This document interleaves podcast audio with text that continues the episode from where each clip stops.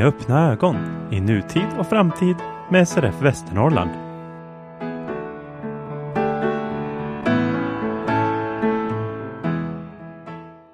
Välkomna ska ni vara till avsnitt 8 av Med öppna ögon, SRF Västernorrlands podcast. Jag som talar heter Kristoffer Tillin och med mig här idag har jag Frida Kalander. Hej! Och som vanligt Peter Kärnberg. Goddag, goddag. Hur har sommaren varit? Den har varit smidig och flyttit på bra. Den har gått fort, som det brukar göra. Och jag tycker jag har haft väldigt tur med vädret. Jag har lyckats befinna mig på rätt plats när det har varit bäst väder på de ställena. Så att jag är nöjd. Sen eh, är det så att i början av sommaren så gick jag och köpte lägenhet. Nu blir folk oroliga, ska du lämna Västernorrland? Nej, tvärtom. Jag ska säkra mig i Västernorrland. Det är så att jag bara har bott i ett eh, andrahandsboende nu ett år. För att lära känna stan och se vart man vill, vart man vill bo. För det är ju så när man flyttar till en helt ny stad så i alla fall jag kände ju inte till några områden eh, direkt i Sundsvall då som vi pratar om just nu. Så att det här året har jag haft på mig att se vart kan jag tänka mig att bo och ja, känna avstånd lite grann. Och sen slog jag till på en bostadsrätt i juni så att jag är absolut kvar i länet. Hur har din sommar varit Peter? Ja, den gick väldigt raskt. Vi var till Vilhelmina, ett gäng SRF Jämtland och undertecknad. Jag har ju också äran att få ingå i den styrelsen. Och jag tyckte det var trevligt att vara med på den resan. Vi fick eh, besöka Eh, Fatmomak och eh, möta samernas kultur och det var intressant på många sätt. Sedan kom vi tillbaka till Östersund. Förutom att det satt eh, fast i Bräcke en stund, kontaktledning som hade rasat, så gick resan alldeles ypperligt. Och sen följdes det upp av Urkullsfestivalen i Näsåker. Det regnade på lördagen, men vi hade sol i sinnet. Hur har din sommar varit, Kristoffer? Jo då, ja, den har varit ganska lugn. Jag var en sväng till Åre med eh, US Norr, men annars har jag inte gjort så mycket i, i sommar. Men jag tänkte ta en liten semestervecka till senare i höst och eh, få lite värme då. Den stora frågan är ju, har ni badat någonting i sommar? Nej. Är ni, är ni badkrukor eller är ni de som ska i så fort det blir varmt? Vilka, vilken typ av badare är ni? Moget övervägande skaran. Jag badade mycket som ung och jag kanske har fått eh, överdos. Dusch har det varit extremt mycket för det var varmt, otroligt varmt runt midsommar och framåt där också. Sen senaste veckorna också tycker jag. Jag passade på och badade mycket i juni och i början av juli, men sen dess har det inte blivit så mycket. Själv då? Har du fått in några bad, Frida? Väldigt få. Eh, oroväckande lite faktiskt. Jag brukar vara bättre på det, men eh, det beror lite på var man befinner sig. Befinner man sig mycket i stan så är det lite otympligare att hitta en badplats. Eh, om man inte känner till var de ligger och har någon som kan följa med. Men eh, eh, no några gånger i alla fall. Men eh, målet är att det ska bli mer nästa sommar. Jag tycker det är trevligt om man hittar ett bra badställe. Det finns ju en å. Ja. ja, den är ju jätteren och jättehärlig säkert. Nej, det, jag tror jag undviker ån i stan, men eh, man får väl utforska. Jag tänker, jag har inte varit så mycket här i, i stan i sommar. Men eh, nästa sommar kanske man är lite mer på hemmaplan och kan utforska badställen som inte ser så där gröna ut som den gör i stan. Efter många om och men hade SRF Västernorrlands styrelse sin kick-off i slutet av augusti. Hur tyckte ni att helgen gick? Mycket bra och fantastiskt att kunna träffas så gott som alla personal och eh, sex och sju styrelseledamöter. Det är sånt som man måste göra därför att det svetsar samman gänget lite mer. Vi hade tid att sitta ner och prata om saker som man inte gör på ett vanligt styrelsemöte. Strategiska diskussioner om medlemsvärvning, hur kansli kontra styrelse arbetar. Vi umgicks över måltider, vi satt på kvällarna och skojade friskt och glatt. Och det behövs. Det är jättebra och kanske effektivt med digitala möten, men eh, det verkliga mötet, mötet live, det går inte att på något vis eh, rationalisera bort, för då faller vi-känslan i organisationen. Det har vi märkt under pandemin också. Det går ju att ha årsmöten, det går att trolla på de flesta sätt så att man kan genomföra verksamhet i viss mån digitalt, men eh, vi måste också slåss för att träffas, eh, jobba för att träffas och det har vi gjort nu och det känns väldigt bra. Vi drar åt samma håll, vi är laddade inför framtida mm, både utmaningar och Eh, eventuella eh, positiva saker också. En utmaning kan ju för sig också vara positiv. Det här med medlemsvärvning till exempel. Vi vill bli fler och vi vet att det finns folk att värva. Jag tycker att det blev väldigt bra hela helgen och ända sedan jag blev anställd i maj 2020 så har vi pratat om den här kickoffen. Men på grund av pandemin och ja, andra skäl, men framförallt pandemin som Peter nämnde så har den ju skjutits fram. Så att, att äntligen få planera inför en kickoff som också kunde bli av är ju otroligt roligt. Och jag menar, jag känner ju inte alla ännu superbra. Vissa av er i styrelsen träffar jag ju mer. Ja, jag gör ju podd till exempel med er två, men de andra träffar jag ju kanske mest på våra styrelsemöten. Eh, och då är det väldigt roligt att få lära känna varandra mer, eh, hitta de här kreativa samtalen som kanske inte kommer på mer uppstyrda möten, utan de kommer när man har lite fritid och kan sitta och prata fritt. Så att det var väldigt roligt. Jag kan bara hålla med. Vi ska säga också att det hade ju storytelling, berättande om sig själv. Vi gick runt och var och en fick prata 10-15 eh, minuter som max och det var väldigt bra därför att man får också insikt om vad respektive ledamot eller eh, vad respektive anställd har med sig i ryggsäcken när man vill blottlägga inför de andra. Och det, det är bra, för det skapar också en förståelse för vem den andra är. Och mixen som vi har är fascinerande i styrelsen. Sen hade vi också ett riktigt styrelsemöte med protokoll på söndagen, så vi var effektiva tycker jag. I april så fick ni höra från tre styrelseledamöter och nu ska ni få höra från tre till. Lars Sörlén, du är ledamot i SRF Västernorrlands styrelse. Men vi vet inte så mycket mer om dig än att du är född 1970. Vem är du egentligen? En bra fråga. Vi kan säga så här. Var är du född någonstans? Jo, jag är född i Stockholm. Och eh, jag bodde där i två år, sen flyttade vi till Baldersvägen i Sundsvall. Och då blev vi Sundsvall trogen? Ja. Sen flyttade vi 74 därifrån till eh, Juniskär. Och då fick jag, där bodde vi fram till 1995. Och då flyttade jag till Kvissleby. Och där har jag bott sedan dess. Och du föddes seende men fick en synskada relativt tidigt i livet? Ja, i slutet på 70-talet så upptäckte min ögonläkare att jag hade en tumör bakanför vänster öga. Och år 1980 så hamnade jag nere på Akademiska sjukhuset när de skulle ta bort den där. Och eh, de eh, öppnade huvudet på mig och kollade och upptäckte att den satt alldeles bredvid synnerven och hypofysen så då vågade de inte skära i den. Så då slog, sydde de ihop och sen så fick jag gå och stråla den 36 gånger. Och sen så efter det såg jag 90 procent. Och så var det ända fram till 2006. När jag började se sämre igen. Och då var det en, en ny magnetröntgen och då upptäckte man att tumören hade börjat växa igen. Men det visade sig vara en ny tumör. En snabbväxande tumör. Så på tre månader så från att sett 90 procent till att se 1 procent bara. Sen så hamnade jag på Karolinska i Stockholm. De kunde operera mig och tog bort tre fjärdedelar av tumören. Och så kollade de väldigt noga vart blodådrorna satt på tumören. Och sen eh, 14 år senare fick jag göra någonting som heter laserkniv. Det var en cykelhjälm eller en hjälm av metall de satte på huvudet och skruvade fast i pannbenet. Och sen så gick vi ner i källaren och så fick jag ligga på en säng och sen skruvade de fast hjälmen i en apparat där. Och sen så programmerade de den och sen så 30 sekunder senare så kom de och skruvade lös mig och då hade den där apparaten skurit sönder blodådrorna in i huvudet. Medan jag var vaken och utan bedövning och ingenting. Och då fick du tillbaka en liten del av synen? Ja, jag hade redan fått tillbaka 5% efter operationen som de gjorde.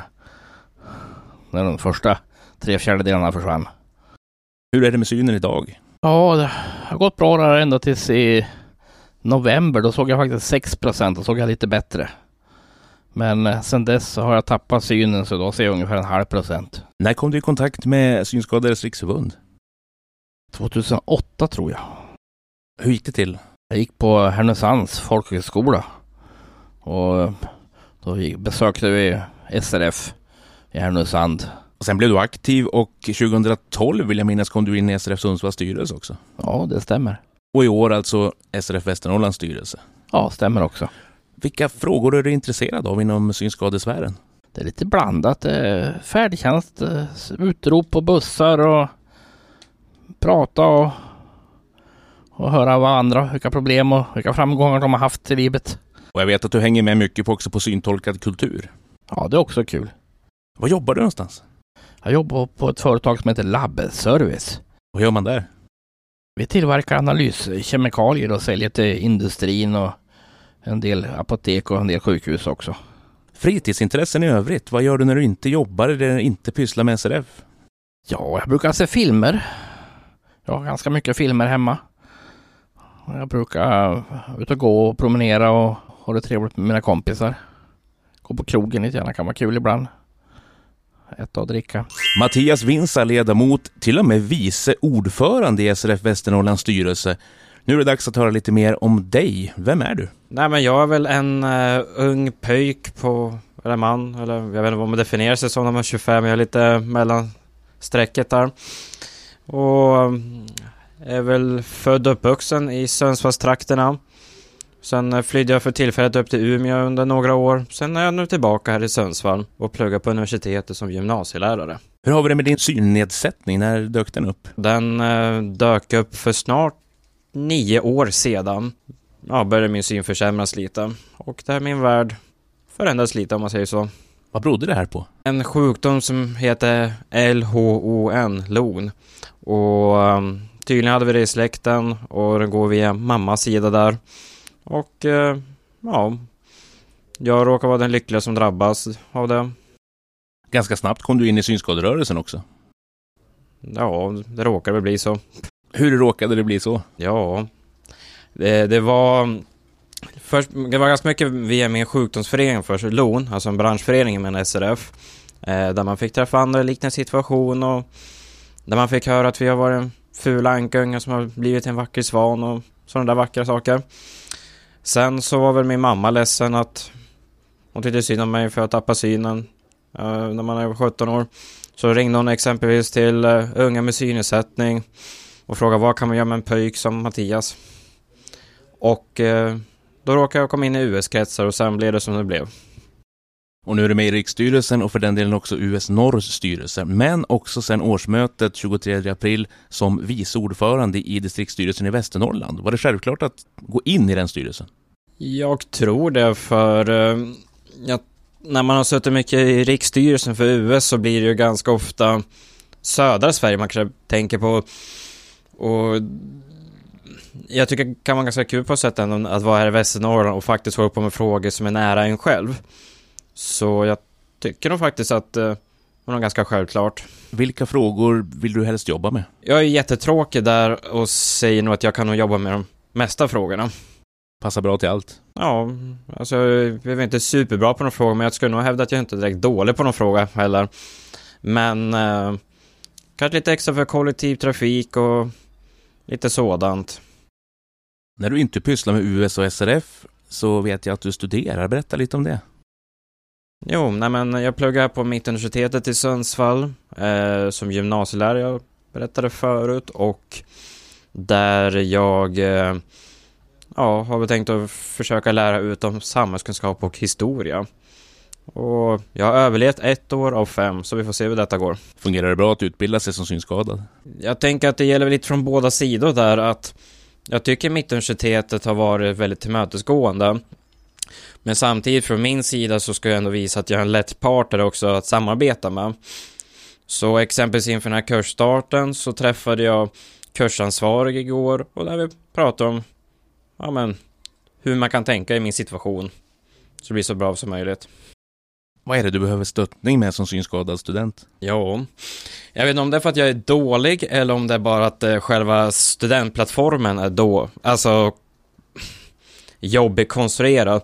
Men jag tycker den är ganska jobbig att hantera och därav kan jag eh, mejla exempelvis mina lärare där mer och jag kanske kan skicka uppgifterna där istället och ja, men lite sådan information. Sen kanske även att eh, få lite längre tid på hemtentamen, att jag kanske kan få egen dator eller något liknande när man kör tentamen. Det blir typ lite sådana saker. Kenneth Alenius, också ledamot av SRF Västernorrlands styrelse. Jag vet att du är född 1970, men i övrigt, vem är du? Ja, vem är jag? Var är du född? Jag är född, eh, mina föräldrar bodde i Stockholm när jag föddes 1970 där. En oktobermorgon tror jag det var. Där bodde mina föräldrar och vi bodde nere i Stockholmsområdet tills jag var sex år. Flyttade vi upp hit till Timrå och Fagervik. Och där har du blivit kvar i området i alla fall. Ja, förutom eh, ja, när man åkte iväg och studerade. Jag har bott i Uppsala i, i ja, vad kan det blivit sammanlagt? Sex år och sen har jag bott i, utomlands i ungefär ett och ett halvt år. Låt oss hänga på studierna. Du, jag vet att idag är du ju präst, men vägen dit och hur det är att vara synskadad präst, det får du gärna berätta kort om. Ja, det är en utmaning, det är det. Som eh, mycket annat som när man är synskadad, men eh, eh, tack och lov när jag blev präst, jag upptäckte ju min eh, synskada under studierna. Och min, men mina första år som präst var jag, hade jag ganska bra synstatus. Så att eh, med åren så har man ju byggt på erfarenhet, så nu när jag har sämre syn så har jag ju stor hjälp av den.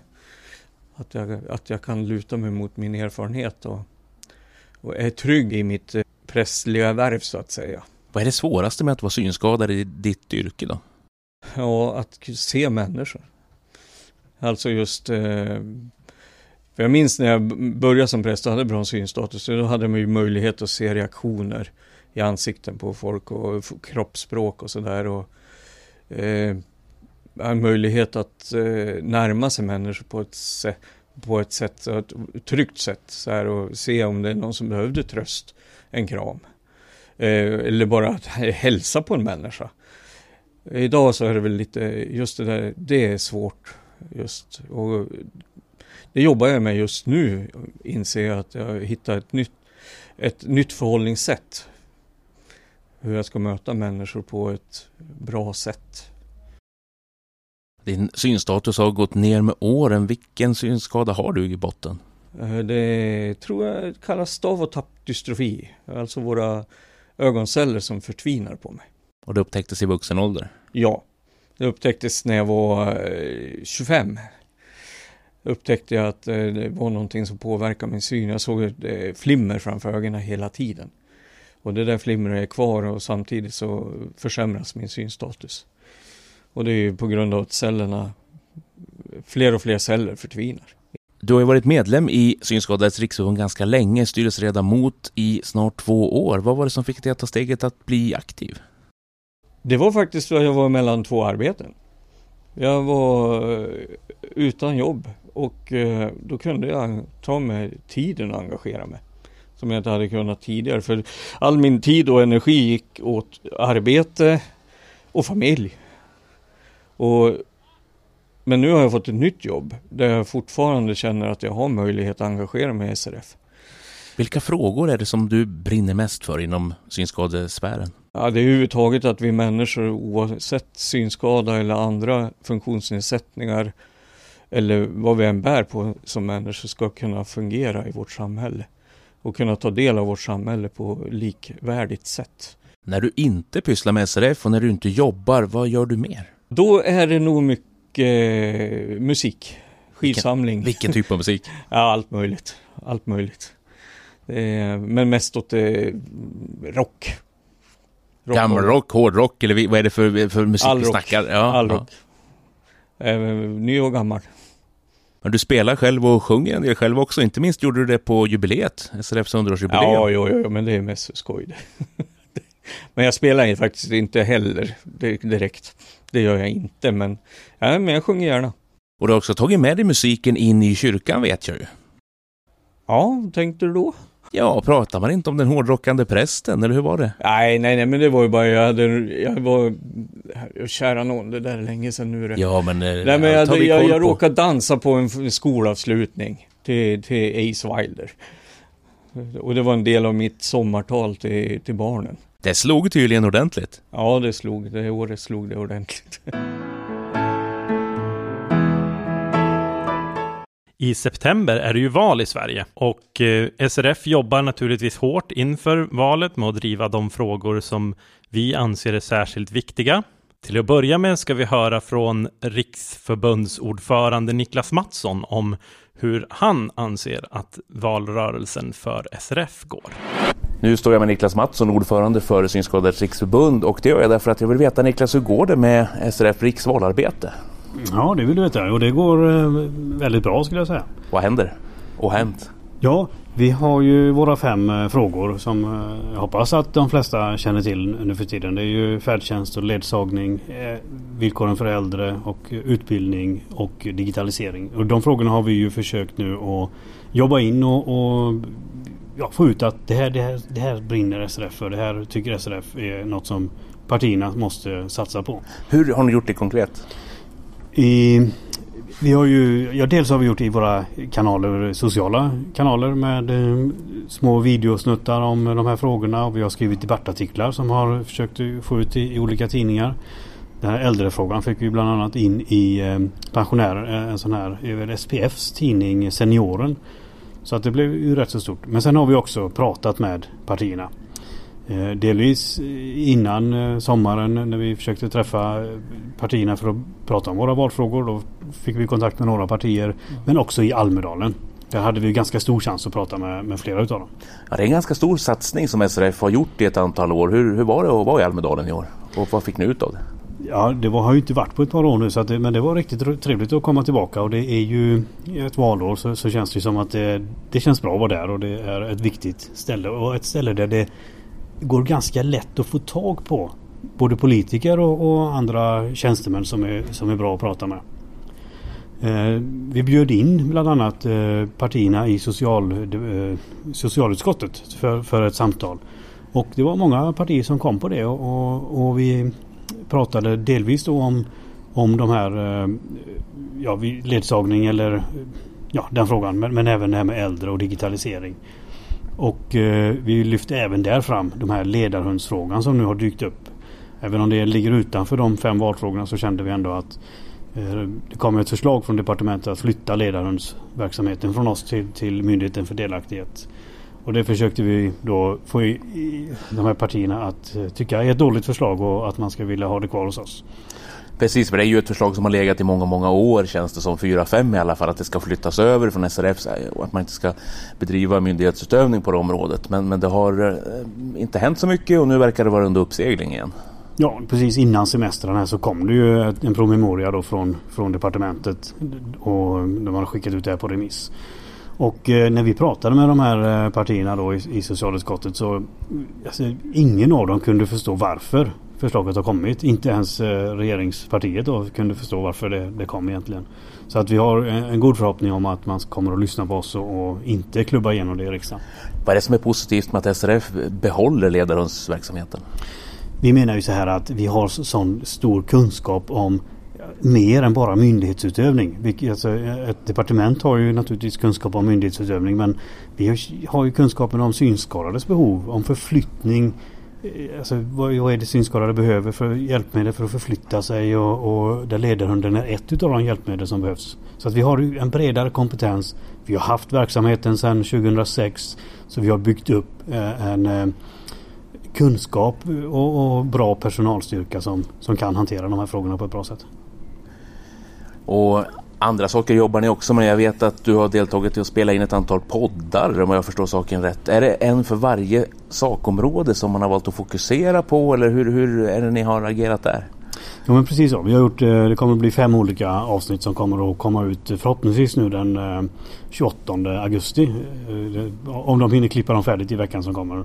Och då är det ett avsnitt om varje fråga. Och där har vi då in, intervjuat en person som har fått beskriva sin situation. En person som pratar om färdtjänst och en person som pratar om ledsagning.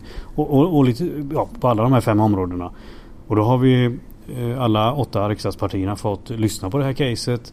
Och eh, ge ett svar på ganska kortfattat, eh, lite knappt två minuter var har de fått på sig och förklara vad partiet tycker om, om den här frågan och hur man vill agera. Och på det så har vi, eh, jag och en tjänsteman då, för, som är ansvarig för varje område, kommenterat och, och ja, försökt analysera vad partierna säger. Så jag tror det kommer att bli riktigt intressanta poddar. Tre veckor kvar till valet ungefär. Vad vet du kommer att ske mer på riksfronten från SRFs sida? Vi kommer att försöka eh, träffa partierna igen men vi har väl en, en eh, kanske inte så stor förhoppning om att de har tid med oss de här sista veckorna. Men eh, det kommer debattartiklar och det kommer att synas på, i sociala medier. Där vi hörde vi vad Riksförbundet har gjort inför valet. Vad kan vi säga om vårt arbete här i Västernorrland? Strålande. Nej då, nej men eh, ödmjukt sagt så tycker jag ändå att vi har gjort ett bra arbete under valrörelsen. Vi har försökt träffa så många olika partier som möjligt. Man ska ju säga att det inte alltid är lätt att få tag i dem. Det kan dröja med deras svar och man kan få ligga på och så hänvisar de att de ska kolla med någon hur deras kalender ser ut och sen försvinner det. Men eh, jag tycker ändå att vi har fått till ett antal träffar. Vi har ju också innan den liksom stora valrörelsen började så hade ju vi en eh, debatt med regionpolitiker under eh, årsmötet så vi var ju ganska tidig med, med vissa grejer där också. Och att vi själva också har hörts i olika frågor i media. Jag vet inte vad du tänker Peter, du har ju stöttat mig mycket i det arbetet.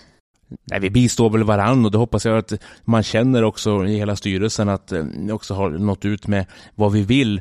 Det har kommit ut en del frågor måste jag säga. Hållplatsutropen som vi säkert återvänder till sen har fått mycket mediautrymme. Vi har ju försökt, som du säger också Frida, samla partierna. Då har det varit svårt, vilket kommer att visa sig av kommande ljudinslag också. De partier som har svarat har vi träffat. Vår ambition var och är att träffa alla. Därför att det ska vi göra som eh, intressepolitisk organisation, prata om de frågor som vi tycker är viktiga, i det här fallet med regionen, och vi kommer ju att fortsätta det här, för man fastnar ju lätt i tänket att det är valrörelse och vi måste ut och träffa politiker och det måste vi också. Planterar kontakter, visa på vad som är problemet att leva med en synnedsättning i det här fallet Västernorrland. Men det stora jobbet, det kommer efter valet, för då har vi fyra år på oss att fortsätta driva frågorna, fortsätta lära känna politiker och de ska känna att vi finns och att vi gärna diskuterar och presenterar förslag på vettiga lösningar. Så det här ser jag som en början på en ny intressepolitisk god era i Västernorrland. Sen kan man kritiskt fråga, ja men vad har ni uppnått då? Och det är svårare att mäta, måste jag säga. Man kan peka på ett par saker. Under förra mandatperioden fick vi till sist på plats en datapedagog på synrehabiliteringen. Mycket tack vare att man konverterade om en tjänst, men också tror jag för att vi förde en god dialog med tjänstemännen där. Vi vet inte heller vad som skulle vara sämre om vi inte bedrev ett påverkansarbete, så här måste vi fortsätta och tro att det vi gör spelar roll, det vi gör bidrar till att vi syns och på sikt också att vi får igenom förbättringar för synskadade. För det är ett väldigt tungt ben av de två som organisationen vilar på. Det andra är som bekant medlemsvård eller kamratstöd om man vill kalla det för det.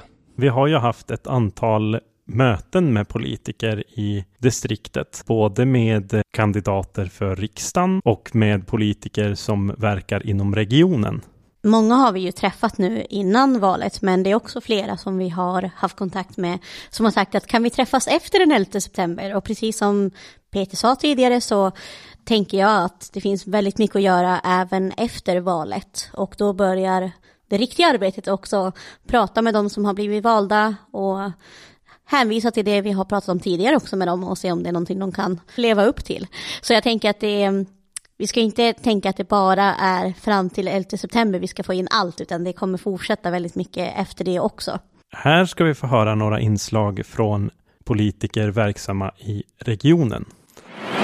SRF Västernorrlands valarbete går vidare. Idag eh, står jag här med Nina Orefjärd, eh, Vänsterpartiet. Eh, vi har haft mm. en diskussion. Och vad är det du har för funktion i regionspolitiken? Eh, jag är eh, gruppledare för Vänsterpartiets grupp i region fullmäktige här i Västernorrland och eh, det betyder ju då att jag är den politiker som Vänsterpartiet har som är heltidsarvoderad och jag är, jobbar heltid då med politik. Och man återfinner dig bland annat i hälso och sjukvårdsnämnden? Ja, det gör man. I hälso och sjukvårdsnämnden så har jag en ledamotsplats. För Vänsterpartiet och sen så är jag också ersättare i regionstyrelsen. Och sen utifrån, och sen sitter jag ju i fullmäktige också och sen får man ju lite andra uppdrag utifrån det här med att jag är gruppledare då så halkar jag in på lite andra, ja, med andra saker som händer i regionen helt enkelt. Och vi har pratat om diverse saker idag, men om vi börjar generellt. Vad är problemen inom Region Västernorrland? Du fick göra en sammanfattning från ditt perspektiv. Ehm, jag skulle väl säga utifrån mitt perspektiv som politiker så tänker jag att problemet är politiken helt enkelt. Och, eh, det kanske låter konstigt men den politiken som har fått styra under en lång tid som inte har liksom tagit tag i de problem som finns. Vilka är de då? Precis, problemen. det var en bra fråga. ja men problemen, alltså det är, det är ju det finns ju grundläggande problem som gör att vi får andra problem. Och då kan man ju säga, det man ofta pratar om är ja, men stafettproblematiken. Ja, men grundläggande problemet är att vi har svårt att bemanna. Och varför har vi det? Och det har ju varit väldigt mycket uppmärksamhet kring liksom, den dåliga arbetsmiljön som personalen känner och har känt under en lång tid. Och det har ju varit så under många, många år att man har skärt ner i hälso och sjukvården och personalen har fått springa snabbare som man ofta pratar om. Och det är på något sätt det som vi liksom har sett de senaste åren resultatet av. När det har blivit fler och fler, vi har tappat fler och fler, det har blivit fler stafetter som man varit beroende av. Då blir det ännu mer press på de som är kvar. Och det är i alla fall en stor problematik på, må i många, på många håll. Inte minst inom primärvården har vi ju problem, men även eh, inom på, i sjukhusvården också. Och eh, då tänker jag så här att då måste man ju, det saknaden, från, avsaknaden jag som jag känner från liksom politiskt håll, det har ju varit att kolla på, jaha men varför har vi de problemen och vad kan vi göra för att åtgärda det?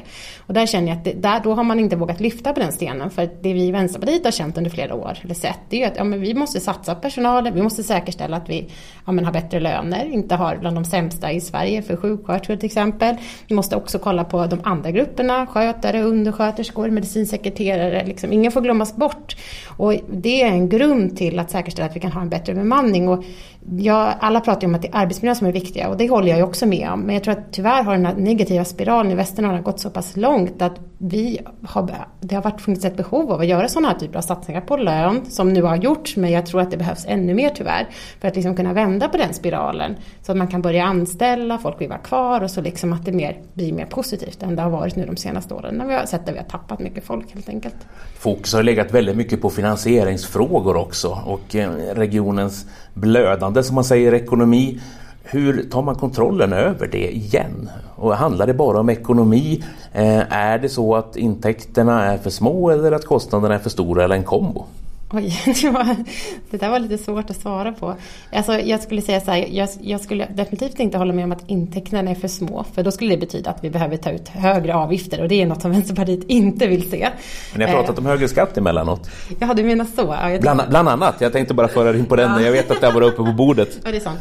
Nej, men jag, jag kan väl känna så här att vi är det enda partiet som liksom ser klarsynt på situationen. Det de andra partierna gör, om man har kollat på deras förslag till budget de senaste åren, både majoritetens men också andra oppositions partiers förslag till budgetar och skuggbudget är ju liksom att man inte adresserat att ja men oj, vi har en hälso och sjukvårdsnämnd som går, ja men nu är det ju väl uppe på över 300 eh, miljoner back.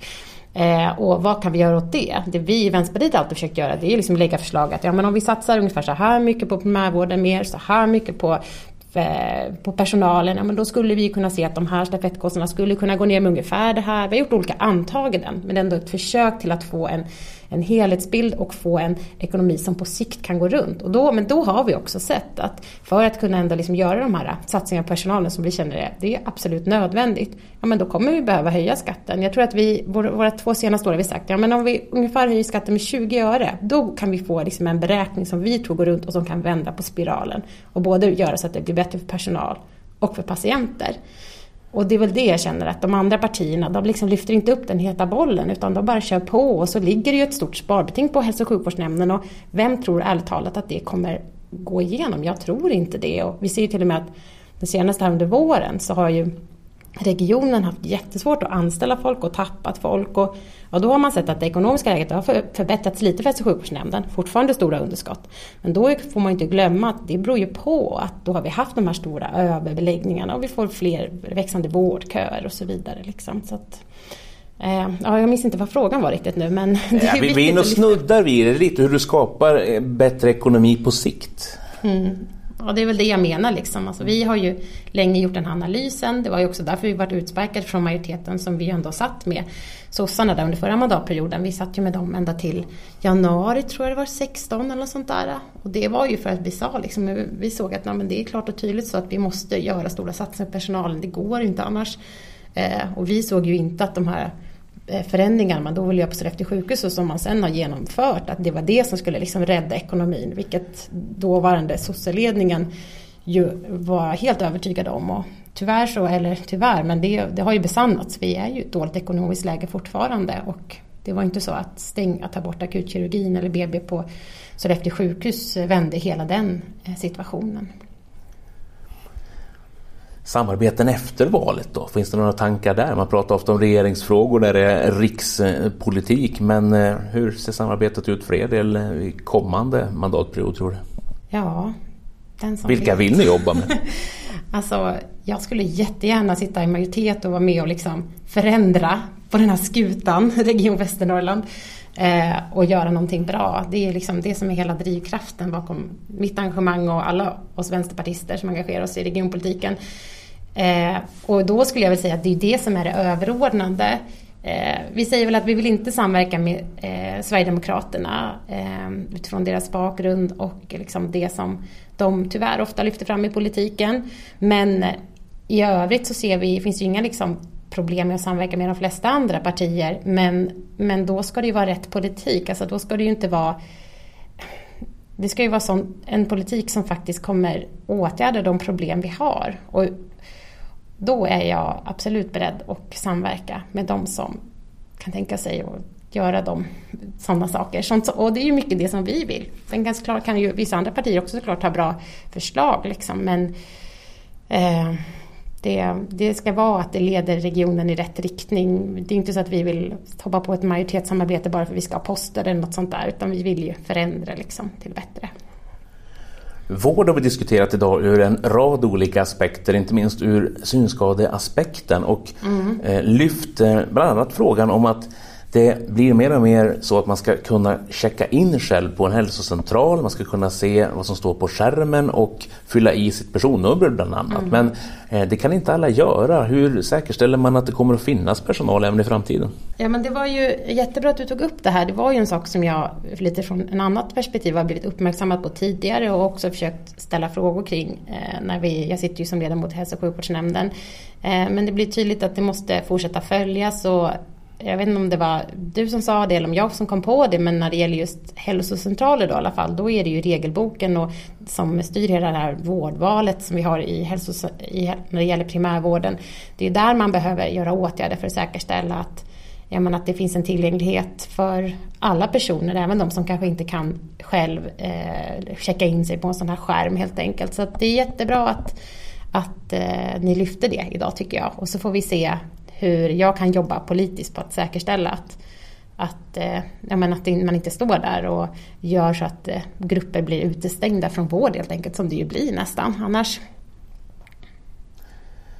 Precis, och en annan sak som vi pratade om det var också att eh, när man väl kommer till sjukhuset så finns det ingen ledsagning där. Det finns alltså inga entrévärdar och det är också en fråga som inte kommer upp så ofta, men vi lyfter den här idag. Att om du kommer som ensam och ser dåligt eller inte alls så kanske du kan åka din sjukresa, du kanske kommer in i huvudentrén, du kanske till och med kan betala din avgift. Ja. Men sen ska du komma vidare och då stupar det där om du inte har med dig någon idag. Ja, ja nej, men det, nej, men det är också en jättebra sak som, som du har lyft här idag. Att det, det är ju ett problem och så ska det inte vara helt enkelt. Och just att det verkar fungera mycket bättre på, i andra regioner, det gör det ju extra tydligt att det här är ju något som Region Västernorrland måste lösa också. Så att, eh, det är också en fråga jag kommer ta med mig från idag.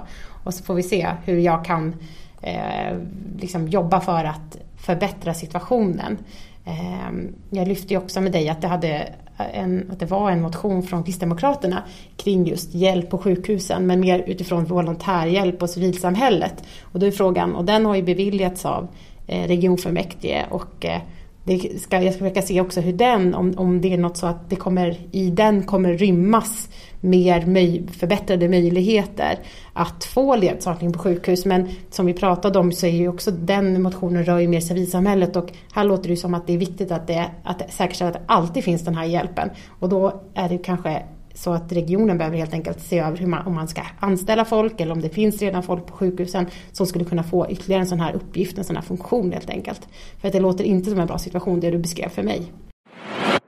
Sara Nylund, socialdemokrat och förste vice ordförande i regionstyrelsen. Du brukar ju ofta få frågor av negativ karaktär, men om vi vänder och börjar i den här änden då. Vad tycker du är mest positivt under den senaste mandatperioden? Det som jag tycker var positivt som eh, är viktigt att lyfta det är väl egentligen hur vi också på politisk nivå eh, har försökt att involvera till exempel funkisrörelsen och andra föreningar i verksamhetsplanering. Till exempel när det gäller inom hälso och sjukvårdsnämnden nu inför 2023. Där ordförande Elina Backlund Arab har haft eh, med föreningar i förvaltningens och nämndens verksamhetsplanering. Det tycker jag är en jättepositiv sak. Hur utvecklar man det här? Jag vet att vi har haft Hälsosamy som är eh, tillgänglighetsrådet kan vi kalla det för inom regionen som har fått mycket kritik för att det inte har fungerat och så vidare. Men hur skulle du vilja se att samverkan mellan politik, tjänstemän och i det här fallet funktionshinderrörelse fungerar? Ja, när, jag, när, vi säger det, både du och jag håller med om att hälsosam Y kanske inte fungerar på allra bästa sätt. Och det beror på att vi behöver ha eh, civilsamhället och föreningarna med ute i verksamheterna. Det vill säga att vi har ju patientföreningar som är med och utvecklar. Vi har haft till exempel eh, när vi har gjort förändringar inom psykiatrin så har patientföreningar varit med och beskrivit hur förändringen med SPOT-team till exempel ska bli så bra som möjligt för deras medlemmar. Men när vi sitter i Hälsosam Y, då träffas ju vi politiskt på högsta nivå. Och vi är ju inte alltid inne i verksamheten. Det är en viktig dialog också, men ibland kanske det blir lite många verksamhetsfrågor som inte vi kan svara på. Och då blir det ju en skillnad i vilken förväntan vi har på mötena och vad vi kan komma till.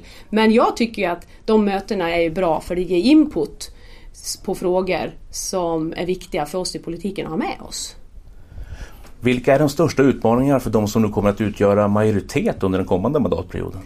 Den kommande mandatperioden, så, och det ser vi redan inför 2023, det är ju det ekonomiska läget och det som händer runt om oss i världen med, med krig i Ukraina, med eh, inflation, med höga elpriser och så. Det skapar också en, en ekonomisk förutsättning för regionen eh, som gör att vi har måste fortsätta att jobba så smart som möjligt med de resurser vi har för att kunna erbjuda vård. När man pratar om ekonomi, är det då så att intäkterna är för små, att kostnaderna är för höga eller en kombo? Det är en kombo eh, skulle jag säga. Vi har, vi har pengar, ja, men det är inte så att pengarna räcker till till allt behov vi har. Sen är det också så att, nu blir det kanske lite tekniskt, men vi har också en skuld som heter pensioner. Och när inflationen ökar och det blir förändring, då ökar den skulden. Och det måste vi ta med i våra räkenskaper.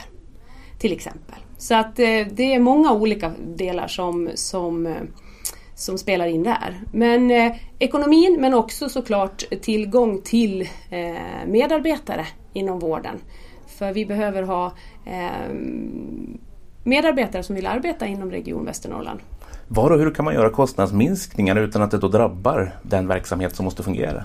Ja, det är ju så att vi tittar på många olika saker som man kan göra. En sak som man kan göra det är att jobba mer samverkan med kommunerna. För många med människor som har eh, ett vårdbehov, eh, många äldre till exempel, de har ju både Eh, kommunal omsorg och regional primärvård till exempel, eller sjukvård. Hur jobbar vi på ett bättre sätt tillsammans utifrån en god och nära vård? Men vi har också beslutat om och tittar på hur vi kan förändra administrativa arbetsuppgifter till exempel. Så att vi blir smartare när vi arbetar, så att våra legitimerade sjukvårdspersonal inte ska jobba med administration utan det ska andra göra som då är experter på det. Och där kan man också minska kostnaden eftersom att vi ser att tekniken blir bättre med AI och robotisering och så av, av repetitiva arbetsuppgifter till exempel. För drygt ett år sedan så försvann möjligheten för de som hade färdtjänst att åka sjukresan med samma kostnad som färdtjänstresan skulle ha kostat. Rabatterna försvann helt enkelt och kostnaden är nu 200 kronor per resa, högkostnadsskyddet 2400 kronor. Eh, regionstjänstemännen hänvisade bland annat till likställighetsprincipen och kommunallagen. Mm. Eh, tycker du att det stämmer? Ja, vi kan ju inte kanske tvivla på, på likställighetsprincipen eftersom att alla ska behandlas lika. Men här har ju du och jag och flera med oss haft diskussioner om hur de här två systemen, det vill säga färdtjänst som är en kommunal funktion och som också styrs av lagar och sjukresor, hur de två systemen faktiskt eh, inte överlappar. Men likställighet ska vi alla ha och då är det ju sjukresor lika. Men vi har ju som sagt diskuterat det ganska många gånger. Och, men som sagt, likställigheten ska ju gälla alla. Och idag är det så att den som kan åka kollektivt får tillbaka sitt utlägg i efterhand vilket inte gäller de som åker sjukresa med taxi. Mm. Hur rimmar det ihop med likställighetsprincipen? På Ja, den? det är ju det. Då kommer vi ju till det här med att färdtjänst är en kommunal del och där får man inte åka till sjukhus. Och här, som sagt, där måste vi fortsätta att titta på den här frågan och vi måste också kanske lyfta den högre upp för att få helt rätt eh, så att säga, svar hur vi ska tolka det här och hur vi i vår region kan jobba med den frågan. Har du någon aning om hur man har gjort i andra regioner? Vi har tittat på en del andra regioner men jag kan inte svara för exakt här och nu eh, hur det har varit. Men jag tror att vi behöver titta ännu mer på det. För att kunna komma fram till ett, hur ska jag säga, ett avslut i den diskussionen. Att här måste vi stanna. Men just nu är det så att eh, det är sjukresor som gäller och där är det lika för alla. Vi har också pratat om det som händer när man väl har tagit sin sjukresa kommit Mm. till sjukhuset. Man går in till huvudentrén och behöver sedan orientera sig vidare Mm. oavsett om man har en synskada eller något annat hinder eller bara inte hittar. Idag finns ju inga så kallade entrévärdar på sjukhusen mer än frivilligarbete. Vad gör vi där? Eller Ja. Vi och vi i regionen. Ja, men det var en väldigt smart idé det du beskrev och det ni beskrev om hur man har gjort till exempel i Jämtland vid sjukhuset i Östersund. Just det här att, att ha en utökad funktion eh, med gänget som jobbar med transporter till exempel. Och det här ska jag ta med mig för det finns andra saker vi behöver göra för människor som är på väg, som har blivit utskrivna till exempel för sjukhuset. Vi behöver ha en funktion på det här. De som ska iväg också, inte bara de som kommer till oss. Så att det var en jättesmart och bra diskussion vi hade. Så det tar jag verkligen med mig och ser hur vi kan vara med och utveckla det. Hur utvecklar vi samverkan på ett annat sätt tycker du? Det finns ju ofta kritik som har riktats eh, från funktionshinderrörelsen att beslut ofta fattas i förväg och sen får man en rapport. Långt tillbaka kunde det handla om när man avgiftsbelade hjälpmedlen. Det kunde handla om när eh, rätten att åka färdtjänst nattetid försvann, sjukresediskussionen. Hur ändrar vi den här kulturen? Ja, men jag tror att vi gör det exakt på det viset som vi pratade om i början. Att, eh, att vi har eh, civilsamhället och patientföreningar med när vi förändrar och utvecklar verksamheten. Precis som jag beskrev vi har gjort inom psykiatrin till exempel. Men också på politisk nivå, likt Elina Backlund Arab som ordförande i Hälso och sjukvårdsnämnden har gjort nu. Haft med eh, föreningar och patientföreningar i verksamhetsplaneringen för nämnden framåt. För det är ju så vi blir bäst. Och nu ska vi få höra från en politiker som är aktuell för riksdagsvalet. Isabel Mixter, du står som nummer ett på Vänsterpartiets riksdagslista för Västernorrlands vidkommande. Vem är du? Ja, jag är eh, 33 år, bor här i Sundsvall, Bergsåker eh, och är vänsterpartist. När kom du att engagera dig? Ja, det var egentligen länge sedan. Jag var nog 15 år tror jag, kanske till och med yngre. Gick med i Ung Vänster och eh, sen dess har jag fortsatt vara politiskt eh, intresserad helt enkelt. Jag har aldrig liksom kunnat slutat egentligen att kämpa för jämlikhet och jämställdhet. Och du har jobbat kommunalt inom eh, Sundsvalls kommun och även på regional nivå. Ja, precis, det stämmer bra.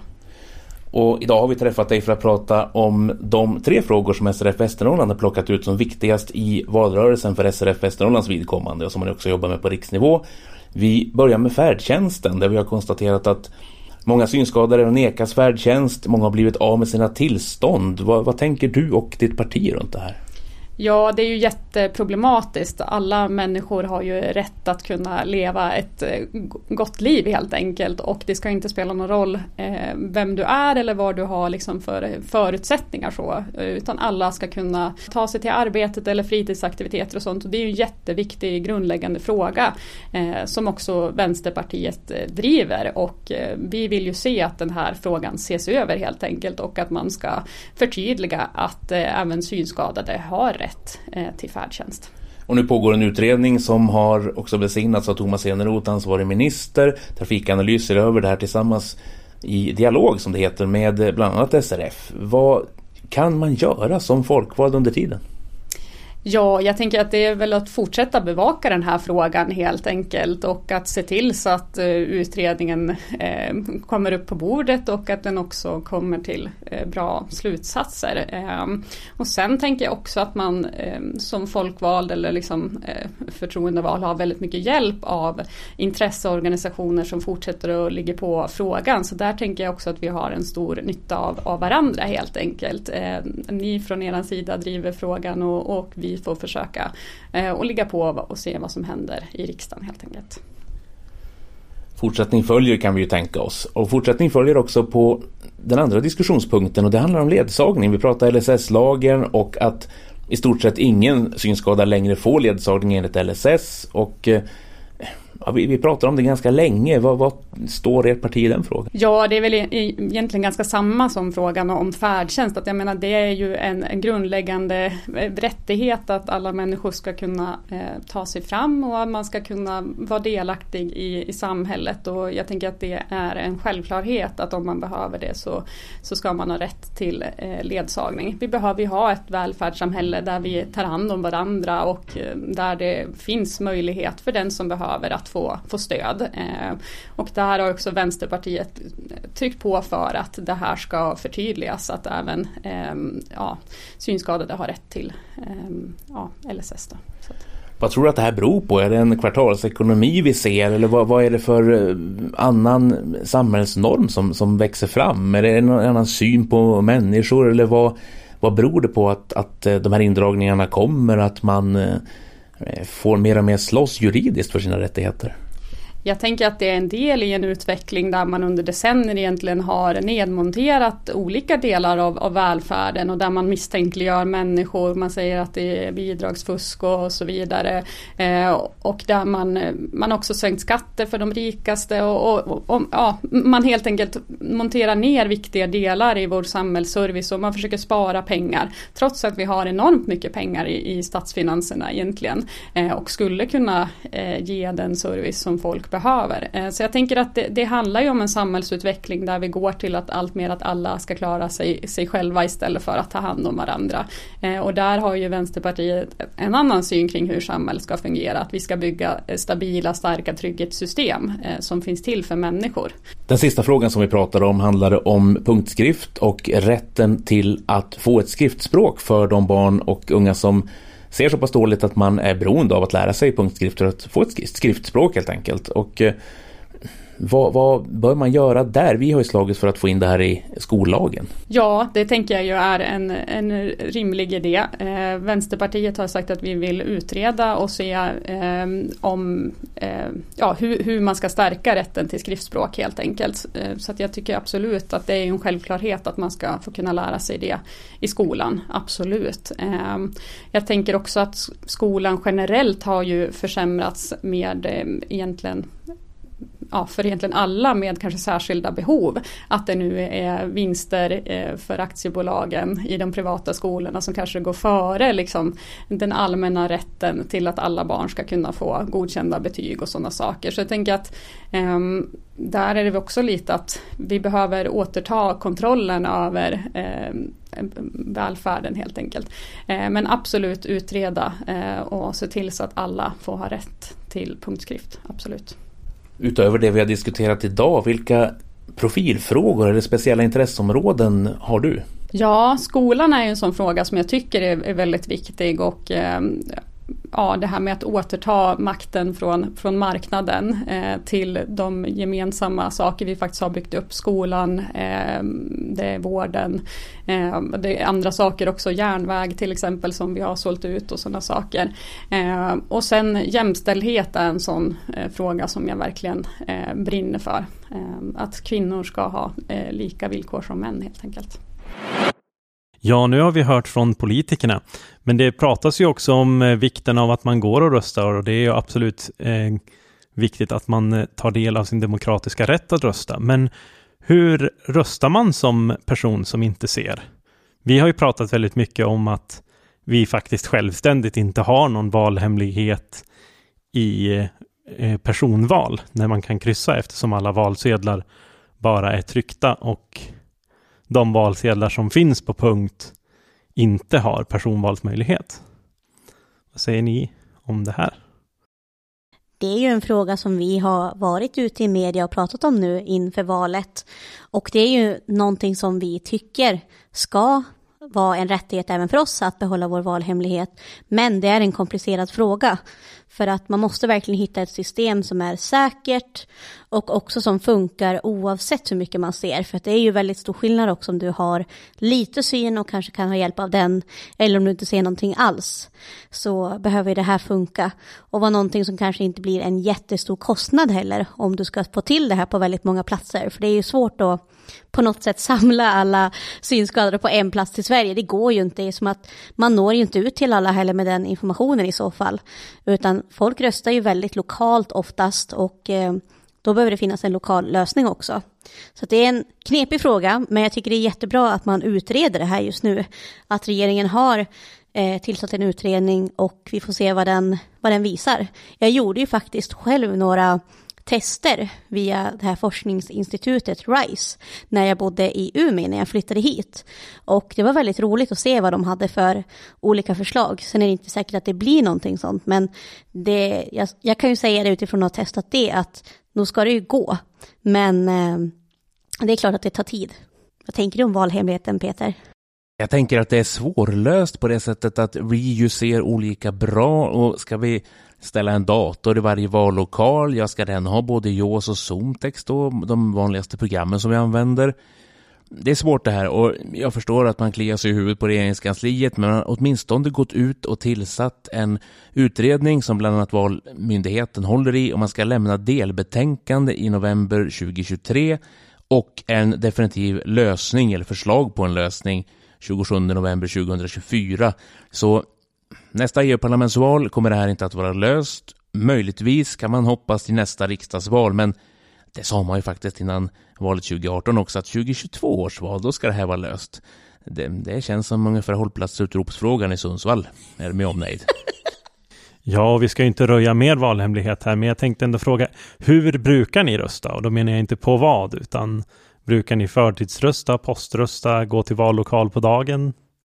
Nej, den som eh, har pratat med mig vet i alla fall vad man röstar på tror jag. Jag, jag har gått med min kära far än så länge och eh, då måste man ju li tro, lita på att han gör eh, som han säger, eller på det parti man vill.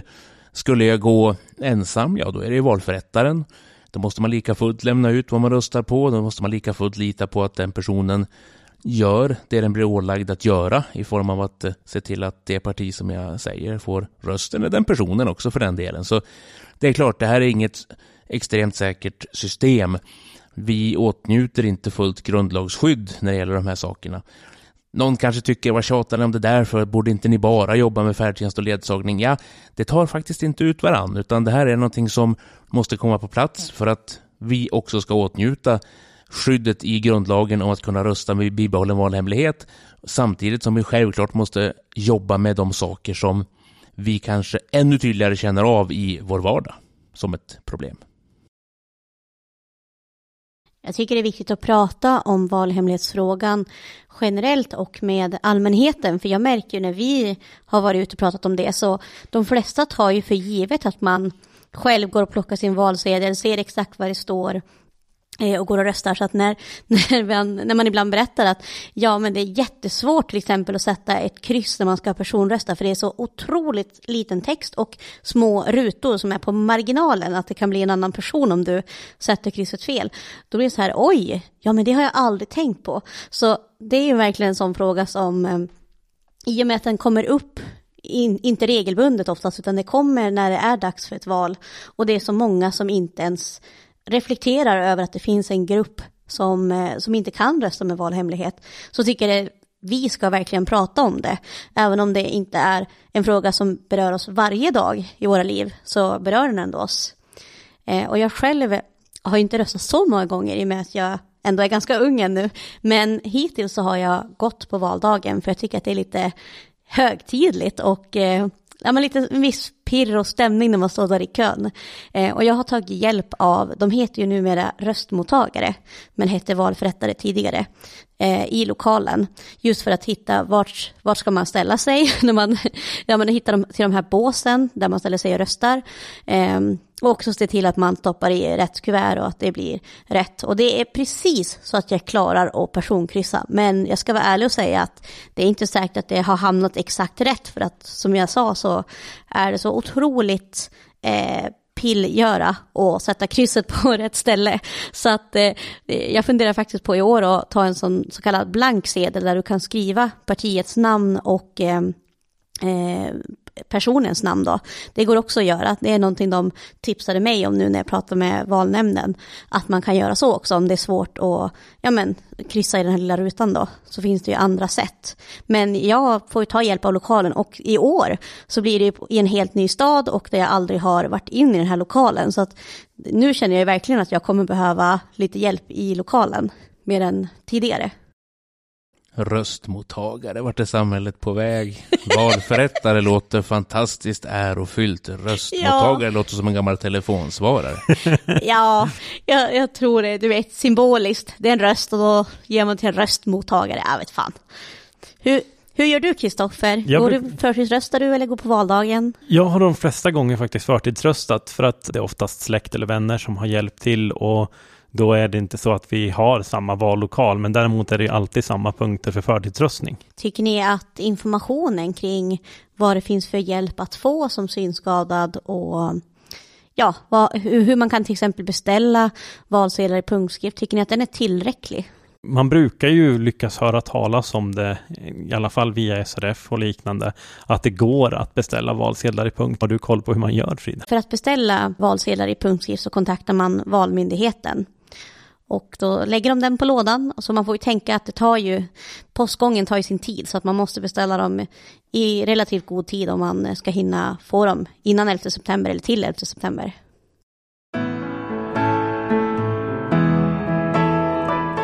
–21 till 22 oktober så är det dags för en anhörigkurs igen. Det blev succé 2018 och 2019 när vi torgförde det här för första gången. Och eh, det hoppas vi att det ska bli även nu. Vi har byggt upp det här tillsammans med Härnösands folkhögskola och där äger kursen också rum från fredag morgon till lördag lunch. Och anhörig pratade vi om för några avsnitt sedan. Det behöver ju inte bara vara en partner. Det kan vara barn till en person med synskada. Det kan vara en förälder, det kan vara syskon, det kan vara vänner, släkt.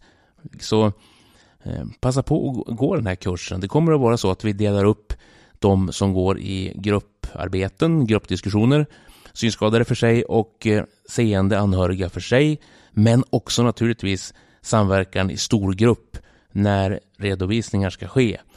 Det kommer att finnas kunnig expertis från folkhögskolan som leder det här och eh, även från annat håll. Det är inte helt klart nu, men det kommer att vara kunniga samtalsledare som vi tillgår. 500 kronor betalar man per person för att delta i den här kursen. Då kan man erhålla reseersättning enligt SPSM-bidrag. Anmälan görs till SRF Västernorrlands kansli på telefon 0611 10070 eller via e-post till vasternorrland srf.nu senast den 30 september. Under våren och även i höstas redan så började vi jobba med att ta fram nytt informationsmaterial.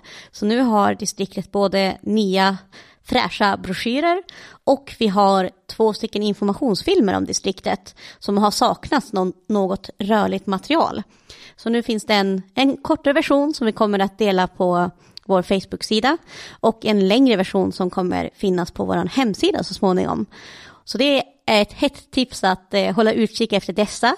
Det är både personliga intervjuer med medlemmar som berättar om varför de är engagerade i SRF, vad man har fått med sig av sitt medlemskap eh, och också lite glimtar från aktiviteter som, som man får ut av att vara medlem hos SRF Västernorrland.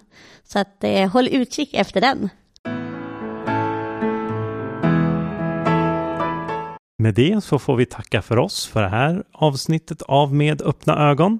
Vi önskar er alla en trevlig september och lycka till i valet. Som vanligt så vill vi gärna höra från er vad ni tycker om vårt innehåll och vad vi kan göra bättre eller vad vi kan eh, göra mindre av. Och för att höra av sig till oss så kan man antingen mejla till vasternorrland srf.nu eller kontakta Frida på telefon 076 539 9225. Tack så mycket.